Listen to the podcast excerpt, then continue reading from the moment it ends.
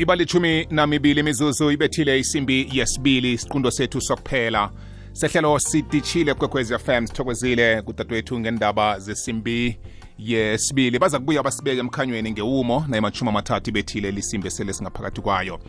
ngelesine-ke mina nawe eminyakeni ka-2023 siyakhuphula izinga lehlelo sidishile mlaleli sithinda ihlangothi lesimilo sethu uzakukhumbula bona ngabolesine besithinda khulu amahlelo we-motivation amahlelo okukhuthaza kodwana-ke siyabona ukuthi akukazosiza ukuthi sikhulume ikuthazo kwaphela enganamsebenzi enganamiphumela sithi nasifika ngakuwe sikhuthazile izolo kodwana usafana nayizolo yeke kuhle ukuthi sithinde poro esihlorini sendaba ukwenzela bona-ke sikwazi ukusizana isimilo singikho koke emntwini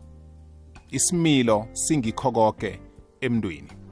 nonyaka nje unyaka uyathoma uyokuphuma uyokufuna umsebenzi uyokufaka ama-cv wakho enkampanini ezihlukahlukeneko uyobathumela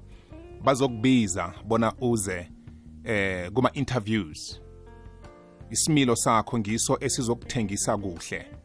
bona ube ngiloyo oza kuphumelela ekutholeni umsebenzi loyo endaweni esiphila kizo uzokuhlangana nabantu abazokuba nekareko yokwabelana nawe ubudlelwano abanye bangakhe bakubawe nomtshado isimilo sakho ngiso esizokuthengisa kuhle bona ukwazi ukwakha ubudlelwano lobo fika ekugcineni lapha niluphala nobabili sele nithethe igadango lokuthi mbala siyachata kade sihlekisana isimilo ngiso esizowakha umtshado loyo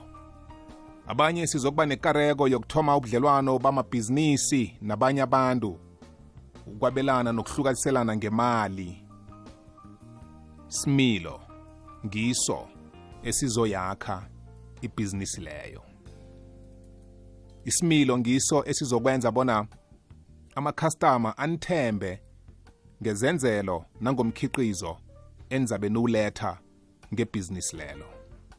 similo similo esidosa phambili kikho konke esikwenzako empilweni abantu bangakwazi nebizo lakho iphimbo lakho kokuthoma na ukhulumako amagama owakhuphako ngomlomo wakho similo abasithenga qangi bona uzethula njani kibo bangakwazi similo esizokutsho ukuthi ungakwazi ukwakha ubudlelwano nabo ungakwazi ukusebenzisana nabo ungaba yingxenye yabo kunenhlangano ezizokusikima nesele zikhona emphakathini yethu ezidinga ubudosi phambili khuluma nge-leadership kungaba ihlangano yabantu abatsha yaboma yabantu abakhubazekileko yokuthuthukisa ubukhwari namasiko abavumi ngokuhlukahlukana kwemikhakha yenhlangano ezikhona similo esizokwenza bona uthembeke ngokunikelwa isikhundla sokuba mdosi phambili wehlangano leyo similo esizokunikela ithuba lokuthi ube mkhulumeli wehlangano leyo smilo esizokwenza ukuthi ube ngunobhala zombelele wehlangano leyo smilo ngiso esizabe sisiletha qobe ngelesine bengitha ngikuqhisele mlaleli ngaphambi kobana ngibavulele abadosi phambili ngokuhlukahlukana kwabo engizobe nginabo qobe ngabolesine sithinda indaba yesimilo sethu kubuhlungu ukufunda nokwizwa ngezehlakalo ezihlahlathelisa umzimba ezenzeka emphakathini yethu bese siyazibuza ukuthi isimilo sakhe besikuphi la mhlambe ninebandla enisonda kilo kusimilo esizakwenza umdosi phambili webandla lelo omfundisi wethu khona sikwazi ukuthi silithembe lelo bandla similo esizakwenza ukuthi sibe nekareko netshisakalo yokusebenzisa ubudosi phambili bethu bendabuko amakhosi wethu akhona emphakathini similo sethu batosi phambili esizosenza ukuthi sikuthembe njengokhansela njengomeyara wakamasipala osilethela izenzelo emphakathini yethu similo esizokwenza ukuthi sikwazi ukufinyelela impumelelo esizibekele yona eminyakeni waka-2023 ukubuyela kancane emva mntwana ekhaya khulukhulu kuwe ozabe ufuna umsebenzi nonyaka nje kunemibuzo emine aye ibuzwe ku-interview wokuthoma sibawa usitshele bona ungubani khusitshele ngawe khusihlathululele ngawe abaningi bethu siyahlahlatha nasiphendula umbuzo lo khumbula abantu aba nabakubuza umbuzo loyo kade bayamukele i-cv yakho bafundile ngayo ngawe bayazi ngeziqu onazo noziphetheko bayazi ukuthi ukhe wasebenza kuphi nakuphi bakubonile konke lokho kodwana ngalesi sikhathi sele baqalene nawe ngemehlweni bafuna ukwazi ngesimilo sakho umbuzo loyo nawuphendulako iye uyathinta lapha nalapha usuthi fahlafahla fahla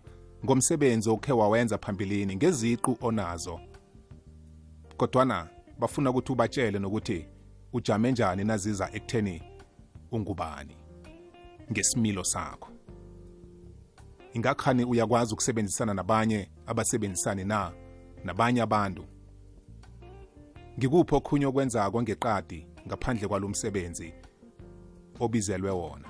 sele uyiqeda uyisonga ipendulo yakho utshinga thwi phezu kwawo wona lo msebenzi ukuthi ngisiphi isimilo esihle ozosifaka ngaphakathi kwalo msebenzi obizelwe wona mibuzo efaka isimilo le engenza isibonelo ngayo mbuzo wesibili kungaba ukuthi ngiwuphi umehluko ozowuletha nangunganikelwa ithuba lokuthi lumsebenzi unikelwe wena abaningi bethu lapha sisuke sihlahlathe sibale into eziningi ezingakhambelani nesimilo sethu baqalile ukuthi yini oyenzako ngale kwalomsebenzi ngoba abanye bethu sithanda ukuthi babhadele imali encane ngizabanikela isikhathi esincane nakuthi abakwazi ukungibhadela imali engiyidingako nama ngingayowenzisisa lo msebenzi ngezinye zezinto abaziqalileko zibhodwe similo kunombuzo othi uthandani ngomsebenzi lo namkha ngiziphi izinto ozithandako ngaphandle komsebenzi lo abanye aye babale imhlobo yembala imhlobo yokudla imhlobo yemidlalo bafuna ukwazi ukuthi isimilo sakho sidzimelele phezu kwani ngubani lo abamqhatshako lo ngubani lo abamfunako lo kunomunye wombuzo nanyana mina ngingazi ukuthi mhlambe usemthethweni namkha usesemthethweni umbuzo lo kodwana bayawusebenzisa kaningi bakubuza ukuthi yeke ungakarwa kukuthi sikubhadele malini kulapho-ke kuvela khona ukuthi ingakhani udoswe yimali na namkha udoswe kukuthi unethando lalomsebenzi obizelwe wona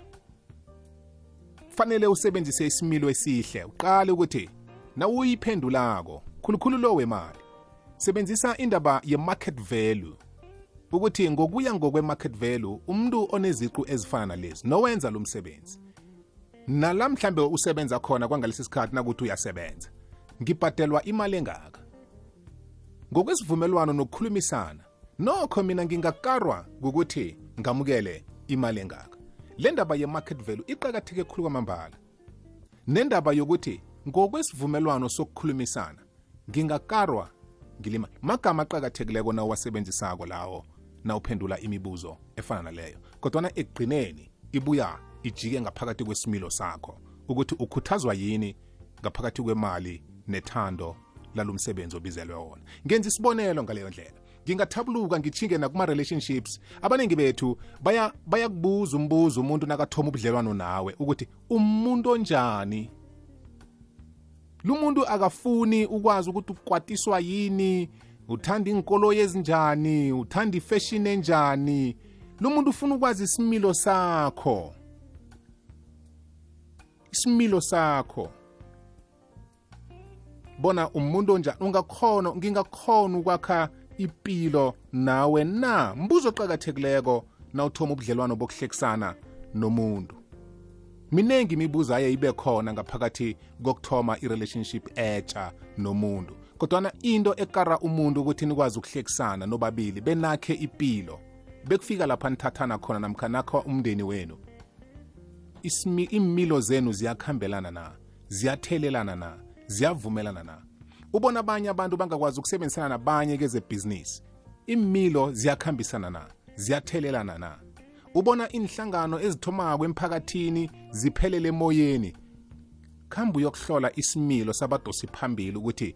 besinjani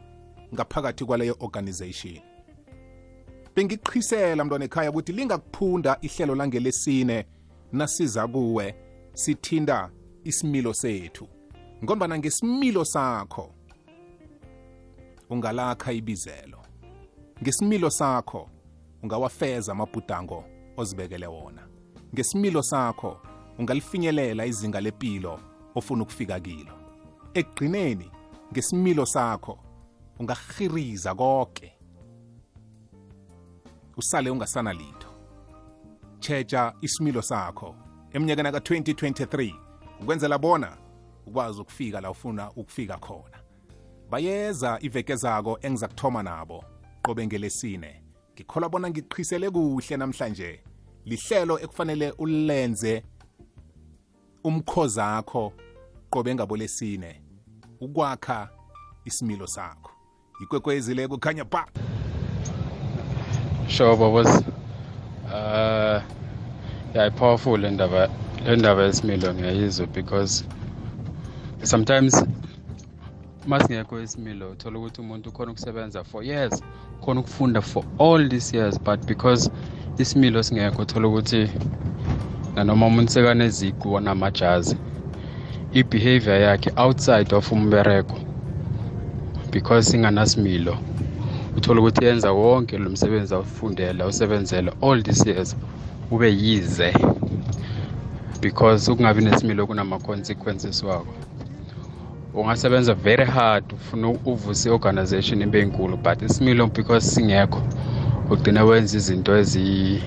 eziphambene nokulunga yonke into oboyisebenzela for 10 or 20 years ivele iphele kwangathi akwenzakalanga nix no enamandla bhuti u-m j here in pretoria pastor bongani mthombothi hayi namhlanje from ngo-12 tot nje mthombothi hayi ukwaye abantu namhlanje ngiyacabanga ukuthi ubadlise bonke udlise abadala wadlisa ababeregako wadlisa nabantwana